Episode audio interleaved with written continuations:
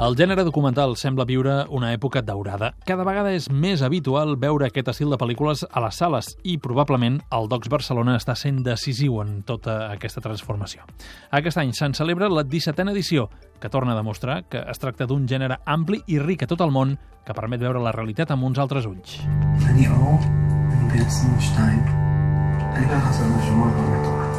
I The Good Son, per exemple, la pel·lícula inaugural, és un cant a l'amor i a la diferència. Tot plegat a través de la colpidora història d'un noi israelià disposat a arriscar-ho tot i mentir als seus pares per complir el seu somni, fer-se una operació de canvi de sexe. La directora Shirley Brekovich segueix amb respecte i sensibilitat tot el procés, sembla preguntar-nos on és el límit entre la realització personal i l'honestedat cap a la família. Vaig veure que era testimoni d'una transformació increïble. Era com tenir or a les mans i vaig decidir actuar com si fos una mosca a la paret per observar tot el procés amb el màxim respecte, sense jutjar.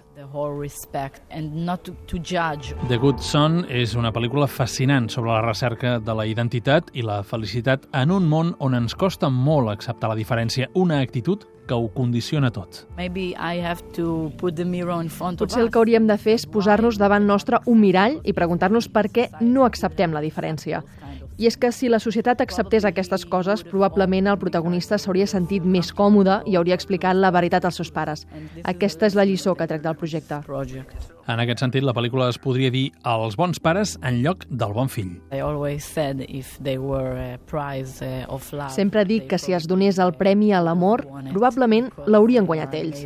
Perquè són uns pares fantàstics, amb la capacitat que tenen d'acceptar, de perdonar i de sentir compassió. The Good Son inaugura el Docs Barcelona avui, però està previst que aviat també s'estrenin al cicle del documental del mes. Les projeccions del festival són al Cinemes Aribau Club i al Centre de Cultura Contemporània de Barcelona.